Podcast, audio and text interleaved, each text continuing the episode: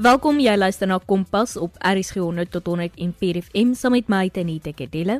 Jy kan natuurlik ook inskakel op ons DStv audio kanaal 813 of inluister op ons webtuiste by rsg.co.za. In vanaand se Kompas gesels ek met Cecilia Hofman, 'n jong dame wie baie passievol is oor die aarde, die bewaring daarvan en dan natuurlik ook ons omgewing en hoe ons kan help om dit 'n beter plek te maak. Kompas, jou loopbaanrigtingaanwyser op RSG. Hallo Tanita, so ek is Cecilia Hofman en ek is 15. Uh ons het regtig baie getrek, soos Bosveld, Pretoria, Kaapstad en nou is ons uiteindelik in Stellenbosch. um en ek is nou in Hoërmeester Skool Bloemhof. Um ek het 'n baie karismatiese jonger broer. Hy irriteer my partymal, maar ons het eintlik 'n baie goeie verhouding. Um en ons ouers het 'n paar jaar terug geskei, maar ons het 'n baie goeie verhouding met beide van hulle. So tydens die inperking, toe ek so regtig baie vir my pa se musiek begin luister en toe ontdek ek die Beatles en dit is my beste ding ooit maar my pa luister eintlik verskriklike baie musiek en op die einde was eintlik nogal spyt daaroor. En dit was vir my ma so groot teleurstelling want sy kom eintlik uit 'n Rolling Stones gesin uit. So Beatles nou nie as hostile nie. Dis my pa onmiddellik want I mean Abbey Road en Sgt Pepper's kan jy net soveel keer hoor.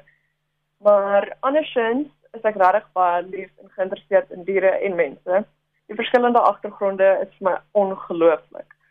Daarby moet ek ook sê, in daai opsig is ek geweldig besluitloos. Ek is bereid om enige ander vrae te beantwoord, net nie of ek katte of honde verkies nie, asseblief. Cecilia, jy is so waar wat hulle noem 'n ou siel vasgevang in 'n jong liggaam. ek weet dit actually nog. oh, shame. Cecilia, jou passie vir die omgewing en die bewaring daarvan, waar het dit begin? So, um ek was eintlik nog altyd baie lief vir diere, maar um so as ons byvoorbeeld nou ander mense toe gaan, dan um sekere altyd kinders wat jy weet hulle wil nou onmiddellik aan aan speel met almal en so aan. Maar ek was eintlik net daai persoon wat jy weet, ek wil net op die badkamer vloer gaan sit en die hond vry. jy weet. En um toe ek klein was, ek was absoluut mal daaroor om saam met my oupa in die oggende um na sy werk te gaan en dis die Rolling Stones oupa as jy nog moet hoor. um en dan um so dan gaan ek saam met hom werk toe en dan is dit meestal sy kantoor, maar dan sou ek af en toe saam met hom na sy veiling gaan. Eintlik net gegaan omdat so 'n klein melkdartjies verkoop het. Maar toe later was dit my so lekker om by beeste te streel want dit is so 'n mooi diere. En uh vir een van die redes wou ek nog altyd gehad het my oupa met perde hê. Ek het net regtig nie veilig verstaan nie.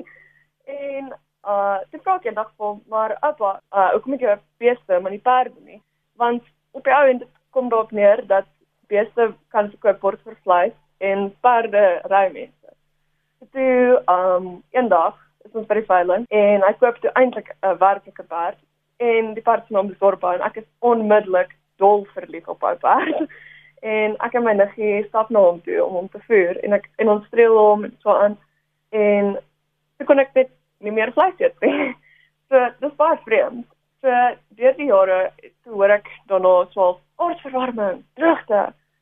In my kop visualiseer ek dan goeders soos jy weet sien maar 'n jaar droogte, miskien op 'n heel meeste 3 jaar se droogte. Maar toe op 'n later stadium toe uh, sien ons een keer hierdie video maar toe besef ek maar wag. So hierdie kan al ons hulpbronne heeltemal vernietig. En dis is my so nee, maar dit is nie moontlik nie, want is dit moontlik dat iets so groot so min oor gepraat kan word? En ons jy skoolkinders, so mense sal aanneem dat hulle dit juist vir ons meer daarvan leer sodat as dit so groot probleem is, ons regtig iets daaraan kan doen. Maar ja, toe gaan doen ek verskriklik baie navorsing En dit was net vir so verbasend. En um ek kom by inparking en daai hele fase ek was nie besonder produktief nie. Um maar toe seker ek in die einde laas jaar begin hierdie jaar toe besef ek net die regtig groot impak van diere produkte op ons planeet het. En dis dit van dis net so vreemd want jy weet oor die algemeen mense praat regtig daaroor nie omdat dit so groot leefstyl verskil maak vir baie mense. En ek weet dit is ongelooflik moeilik, maar dit gaan oor byvoorbeeld elke bees wat jy het, moet jy dan voer. So bees eet blykbaar iets soos 3% van hulle eie soos liggaamsmassa elke dag. Dan dit gaan oor daai bees wat jy elke dag voer tot die dag wat hy geslag word en dan eet jy dit. So baie keer dan so mense vir my sê dat jy nou kan jy vegetariër. Dis so fyn. Al nie van plante nie, maar mm, okay, well, ek kan net liewer niks oor sê. En toe um ja, toe ek opgesluit is en nou het ek nie regtig meer diereprodukte nie. En ek is glad nie soos ek weet daar's 'n verskriklike stereotipe dat alle mense wat nie um diereprodukte eet nie, hulle probeer net heeltyd by jou keel afdruk en dit is glad nie wat ek probeer doen nie. Dis dit gaan net vir my oor 'n ander lewe wat ek kan spaar en dan oor die impak wat dit dan nie op die aarde het nie. En dit is net vir my regtig ongelooflik. Maar alhoewel ons na die probleem is ons ook die oplossing. So alhoewel ek 'n optimistiese persoon is, is ek optimisties dat ons hierdie kan oplos. Ons tyd is nou. En dit is veral vir my so snaaks want aan die begin het jy gesê jy het net na hierdie goed toe gegaan vir die melktertjies, maar toe stap jy uit met 'n groter doel. ja, maar daai melktertjies was briljant. Mag ek net ook by sê. Jy luister nog steeds na Kompas op RSG 100 tot 104 FM saam met my Tenita Kedello en ons gesels met Cecilia Hofman. Cecilia, Wat is volgens jou die mees ernstigste kwessies wat ons in die gesig staar wanneer dit kom by die omgewing en dan ook aardverwarming? So, Tanita, die ding van aardverwarming is dat dit 'n uitdagende krisis is wat nie deur genoeg mense aandag kry nie. As mense praat van 'n uh, 1,5 grade Celsius styg, klink dit so klein, maar in werklikheid is dit eislik. Om 'n perspektief te stel, die ice age was net 6 grade Celsius kouer as ons huidige klimaat. En op 'n stadium het dit net 4 grade Celsius warmer was as vir krokodille in Alaska. Soos enige ander krisis, tref hierdie die minste bevoorregte mense die meeste. Dit hier is alreeds so onvoorspelbaar. Klimaatsverandering gaan dit net vererg. Oeste gaan heeltemal verniel word, grond gaan verlore gaan en die vrugbaarheid word heeltemal aangetast op die ou end mense se uh, voedselskemas val in instort. Indien daar 1,5 grade Celsius styg, ongeveer 'n miljard, met ander woorde 1000 miljoen mense in klimaat te bly, waar as hulle oorvreting ervaar, word hulle blootgestel aan moontlike dood binne ure. Uh, as ons nie ons koolstofvoetspoor op die ou end eintlik kan elimineer nie, sal al die gevolge begin voorkom en net vererg tot op die punt van moontlike uitsterwing. Uh hierdie klink seker verskriklik negatief, maar dis hoekom ons aksies so dringend is. Uh net hulp kan ons aardverwarming tot 'n minimum hou. En julle leer natuurlik van hierdie goed op skoolvlak ook, reg? Um veronderstel, maar so ek weet ek is nou seker bietjie meer bewus hiervan as jy jy weet die uh, gemiddelde tiener. Maar verlede jaar toe uh, ons geografie meneer ons sê, uh so een van die lang vrae gaan oor aardverwarming toe is my oë so groot geraak. Ek was so ongelooflik opgewonde. Maar die enigste goeters wat hulle vir ons leer is dat daar droogtes is. Hulle leer vir ons meer is dit, maar ek dink hulle versag dit meer as wat dit versag word. Want dit is regtig 'n baie groot probleem. Ons is net kinders en dit is baie erg dat hierdie verantwoordelikheid nou op ons geplaas word. Maar skole is daar om vir kinders te leer en jy weet vir hulle toekoms te bou. Maar die ding is as ons nie klimaatsverandering nou iets aan doen nie, dan is daar 'n moontlikheid dat ons miskien nie 'n regtig vreeslike groot en lang volledige toekoms het nie. En hoe kan ons help om die aarde 'n beter plek te maak? En as ook, hoe bewaar ons ons omgewing of hoe help ons daarmee? So, my advies is net altyd wees bedagsaam teenoor ander mense en diere die waardes wat ons in kleuterskool leer, so uh moenie aan ander doen wat jy nie aan jouself gedoen wil hê nie. So byvoorbeeld, jy weet, in daai konteks bedoel hulle nou eintlik jy moenie iemand anders se potlood steel nie, maar in my konteks byvoorbeeld is dit okay, ek wil nou nie my my ma se kabel gaan of self 'n kabel gaan steel nie en dan jy weet oor 3 maande is absolute towerkuns want sy het haar verloor en ek het een gekry in die proses. Maar uh maar ander ding wat ongelooflik belangrik is, is luister na die kenners. Luister na wetenskaplikes. Hulle sê al vir verskriklik lank vir ons wat gaan gebeur met aardverwarming. Verstaan, dit het al soos regtig baie begin optel van 1950 af, soos die Amazone begin al hoe kleiner raak.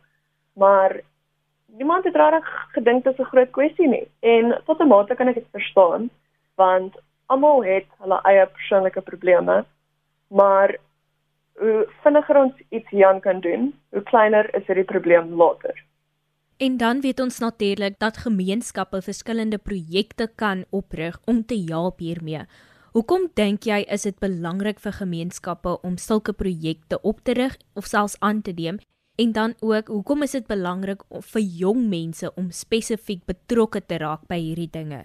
Gemeenskapsprojekte is eintlik so ongelooflik. Ek persoonlik is ek mal oor alle mense. Jy weet van soos klein babas wat nog nie kan loop nie tot mense wat 'n paar strate van ons afbly wat uh, jy weet bo 70, 80, 90. Maar die ding van gemeenskapsprojekte wat ongelooflik is, is dis iets wat almal op kan trots wees en dit vorm self 'n groep wat mekaar ondersteun. En okay, persoonlik, so toe ek nou begin het met aardverwarming, in die begin het ek nie regtig eintlik ondersteuning gekry nie want soos geen van my vriende voel ewe sterk ek hieroor nie.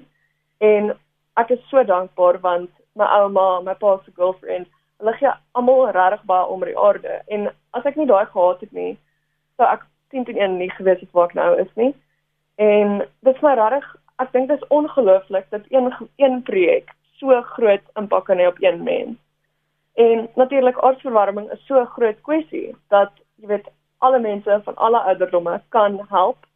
En ek dink op die ou end is dit eintlik baie lekker om betrokke te wees by so iets want almal is deel daarvan. En dit vorm so 'n ongelooflike band. En byvoorbeeld die sinema, uh, ek ek daai ons het 'n fantastiese bure gehad in Kaapstad.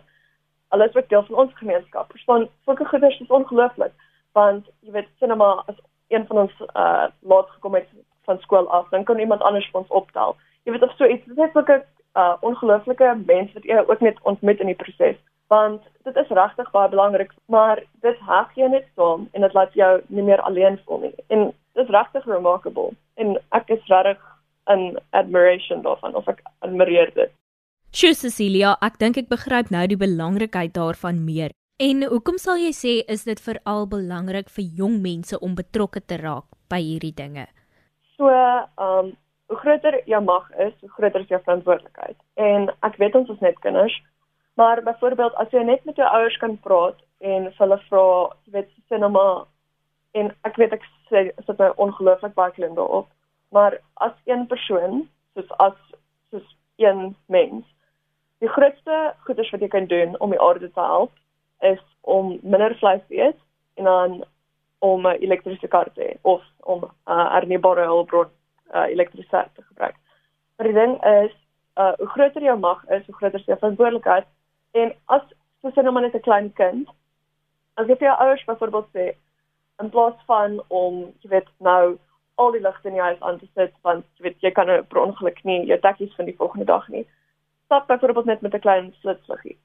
Of as dit nou net is, sê nou maar jy jy weet van een of ander vegetariër wat oorkom, dan eet byvoorbeeld daai onvegetaries. En die ding is, dis altyd so, jy's maar, wat eet jy as jy vegetariër is? Maar I mean, verstaan, as jy nou piesang eet, daar's absoluut geen daar is geen geen diereprodukte daarin nie.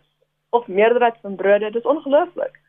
En dan um dit is regtig belangrik dat my generasie en mense my ouderdom regtig baie meer in belang stel. Want op die ou end is dit eintlik ons toekoms wat op die spel is. En dis ons verantwoordelikheid op 'n manier om nou vir almal bewus te maak want okay, dis eintlik nogal onregverdig want dis regtig baie druk wat op ons geplaas word. Maar ons kan hierdie verander. Ek wil net sê ek het ook altyd gewonder, maar wat eet mense nou eintlik wat vegetariërs is? Totdat ek die lekkerste vegetariese lasagne geëet het. oh, dis ongelooflik. Ek is so bly. So ek dink dit is soos jy sê, ons hoef nie groot veranderinge te maak nie. daai elke klein bietjie help. Ja, nee, beslis. Cecilia, dan net ten slotte, watter laaste woorde of raad het jy vir ons jong mense?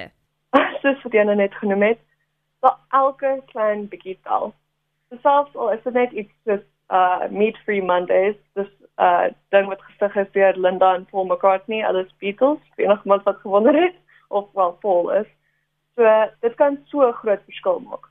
As jy dit prakties instel, is 'n kos in 'n koshuis byvoorbeeld, kan jy onmiddellik lewens red en jy kan metaan en koolstof voetspore so baie verklein en op die ou end maak jy dan almal bewus daarvan en dit is regtig ongelooflik. Andersins erwin alles wat jy kan. Veral metale, dit spaar regtig baie energie. 'n uh, 'n grootte is om ekokeuses te maak. As jy kan kies, kies altyd groen. Elektrisiteit byvoorbeeld is 'n baie groot probleem. Die opwek daarvan, veral in Suid-Afrika, is glad nie volhoubaar nie. Indien jy dit uh, dan die geleentheid kry om skoon vorme van elektrisiteit te gebruik, gryp dit asseblief aan. Koop tweedehands uh waar moontlik insluitend klere. En 'n ander groot ding wat mense moet besef is ons doen hierdie vir die voortbestaan van alles. Of jy nou wil hê jou stakboom moet nog kan voortplant of jy wil 'n toekoms verseker vir jou kinders. Hierdie is vir jou. As jy 'n klasmondeling doen of 'n gesprek moet begin, vra of mense aardverwarming verstaan. Dit gaan nie oor of jy hierin glo soos 'n uh, kindersprokie nie. Dit gaan of oor jy dit verstaan. Deel is van die oplossing. Daar sê Cecilia en ek dink nie die tweedehandse klere koop is meer 'n probleem nie, want thrifting en thrift shopping is mos nou die inding deesdae. Ag, oh, nee, dit is baie goed. Baie dankie Cecilia dat jy saamgekyer het en ons meer vertel het van die belangrikheid van die bewaring van die aarde en dan ook die omgewing. En dit is soos jy sê, ons hoef nie groot veranderinge te maak nie. Elke klein bietjie help. Dit is byna die einde van die program, maar net voordat ons groet het ek gaan inloer by Tevenisha, die jong dame van Ceres wie 7 A-simbole in haar matriek eindeksamen behaal het. Hallo, um, my naam is Devanisha Douris en ek was in 2020 'n matriekleerder by Hoërskool Charlie Hofmeyer in Ceres. Baie welkom hier by ons. Hoe het jy gevoel toe jy jou eindeksamen resultate kry? Ja, ek was net so verlig toe ek my uitslae kry. Ek het geweet dat ek sal slaag en dat ek goed sal doen, maar ek het vir myself doelwitte gestel en toe ek my uitslae kry en weet dat ek my doelwitte bereik het, was ek net so verlig. So ja, ek was verlig en ek was net baie baie bly. En wat was van hierdie doelwitte wat jy vir jouself gestel het? Um ek het net ten opsigte van elke vak het ek um 'n mikpunt gehad, my persentasie wat ek wou kry in die eindeksamen en dan ook my gemiddeld. En jy het natuurlik hierdie gemiddelde en hierdie presentasies wat jy nou vir jouself gesê het jy wil behaal, jy het dit nou natuurlik behaal op die einde van die dag, reg? Ja, ek het dit in baie is net een vak my Engels wat so 2% onder my gemiddeld. Nie gemiddeld nie my ehm um, my doelwit was en maar al my ander vakke was bietjie hoër as my doelwit. So dit het opgemaak daarvoor. Nou ek het 'n voeltjie oor vlei dat jy deel is van die topkandidate by die skool. En hoe het dit gevoel toe jy nou daai nuus kry? Ehm um, ja, ek ehm um, is die doekleerder by ons skool so. Om eerlik te wees, dit is iets waarop ek gefokus het nie. Ehm um, ek was meer nuuskierig oor my my eie uitslae, my eie punte en nie waar ek op ons meritelys is by die skool nie. Maar tog ehm um, weet ek dis 'n prestasie en ek is trots op myself en ek is bly vir wat ek bereik het. En wat is die vakke waarin jy die beste gedoen het? Ehm um, die drie vakke, dis dis eintlik die drie vakke wat ek altyd maar die beste in doen. Dis ehm um, fisiese wetenskappe, ehm um, wiskunde en um, rekeningkunde, maar my beste punt was in fisiese wetenskappe. Dit is omtrent indrukwekkend hoor. En dan die vakke waarin jy onderskeidings gekry het. Um, ek het in al my vakke 'n onderskeiding gekry, so ja. Dis nie net ja nie, dit is ongelooflik. Ja, ek weet ek is ek is trots op myself en ja, ek is baie bly daaroor.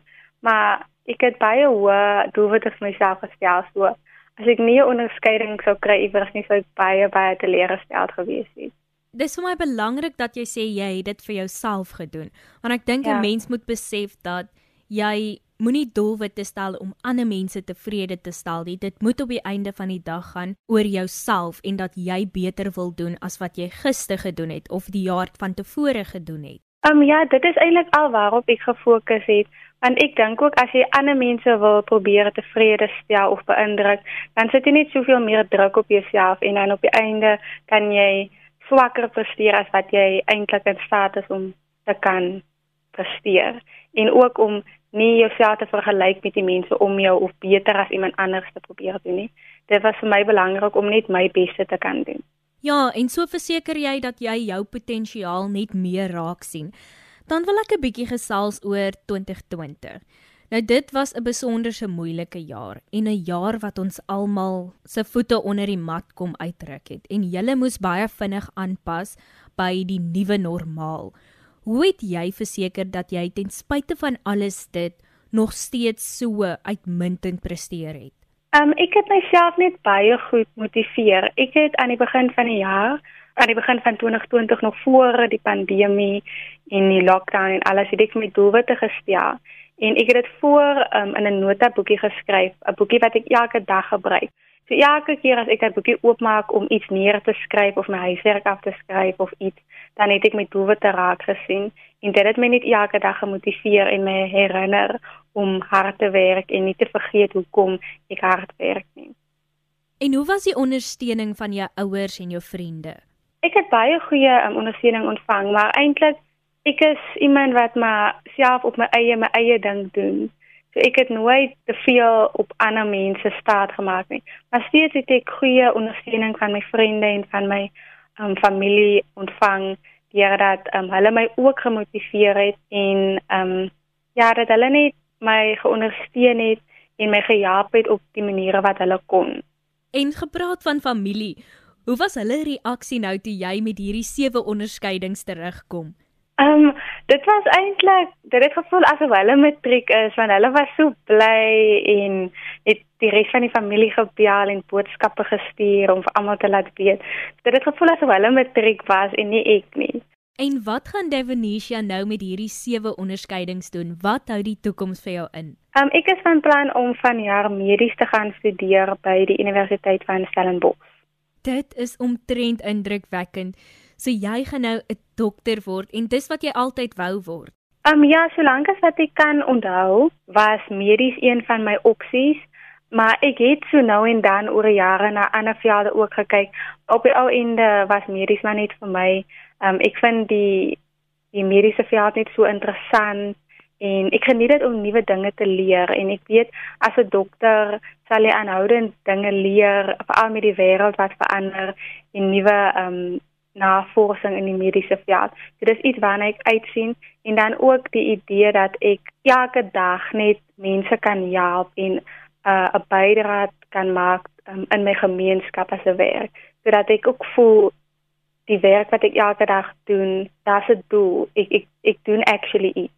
En watter studiewenke het jy vir ander leerders en dan ook vir die klas van 2021?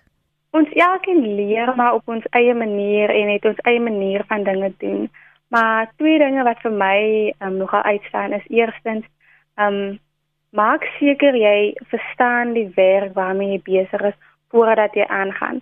Ek weet dit is eintlik um voorhand liggend om om dit te doen. Maar baie keer sukkel jy met iets en dan dink jy ag jy los dit maar net tot die eksamen kom of jy gaan later terugkom en dan later hoop jy werk net so baie op en dan ja, dan sukkel jy bietjie. So dis iets wat vir my baie belangrik was om te verstaan wat ek doen voordat ek aanbeweeg na die volgende afdeling. En dan tweedens iets um, wat vir my baie gehelp het was in graad 8 wou ek my punte verbeter en iets wat vir my gehelp het was ek het gekyk na my manier van leer want die antwoord is nie altyd om harder te leer nie. Ja, jy kan harder leer, maar baie keer moet jy ook bietjie slim leer. So ek dink um, as jy wil beter doen of jou punte verbeter, kyk 'n bietjie na jou manier van leer, ehm um, hoe jy opsom of ehm um, wanneer jy leer, hoe gereeld jy leer. Kyk na hoe jy leer, miskien is daar verskillende metodes wat jy kan gebruik, iets wat dalk beter vir jou kan werk wat jy nie nou besef nie. Dis iets ja, nie altyd net hard leer, maar jy moet ook slim leer. En enige laaste woorde vir die klas van 2021? Ehm um, Ek sal hulle net sterkte toewens. Matriek is 'n uitdagende jaar, maar ek hoop vir hulle dat hulle jaar nie so uitdagend was soos ons nie, maar steeds net sterkte en doen net jou beste. Doen net jou beste. Moenie dit doen vir enigiemand anders behalwe jouself nie. En waarna sien jy uit die meeste van studente lewe? Dit is nog al 'n bietjie van 'n moeilike vraag. Ek is nog al 'n bietjie 'n bietjie bang vir die nuwe hoofstuk. Ek is opgewonde, maar 'n bietjie bang. Ek sal sê, ehm um, die hoe kan ek sê dat jy bietjie meer onafhanklik is, dat jy ehm um, veral ek wat nou in die koshuis gaan bly, ek gaan nuwe mense ontmoet en my eie ding doen. So dis iets waarna ek uitsien. En dit aan die einde van vanaand se kompas. Baie dankie Devanisha dat jy saam gekuier het en voorspoed met daai mediese studies. Baie dankie aan ons luisteraars dat julle ingeskakel het. Onthou indien jy enige navrae of terugvoer van vanaand se program het, kan jy 'n SMS stuur na 45889 teen R1.50 per SMS of 'n e-pos na kadelo@sabc.co.za. Jy kan ook ons potgooi skakel by rsg.co.za vorentoe skynstreepie potgooi besoek waar jy weer na die program kan luister of dit kan aflaai. Soek net onder K vir Kompas en daar het jy dit. Kompas word aan jou gebring in samewerking met SABC Opvoedkunde en Percy Mogale was ons regisseur vir vanaand. Ek moet ongelukkig groet tot volgende week. Lekker naweek. Tot dan van my Tenita Kadello. Doodles.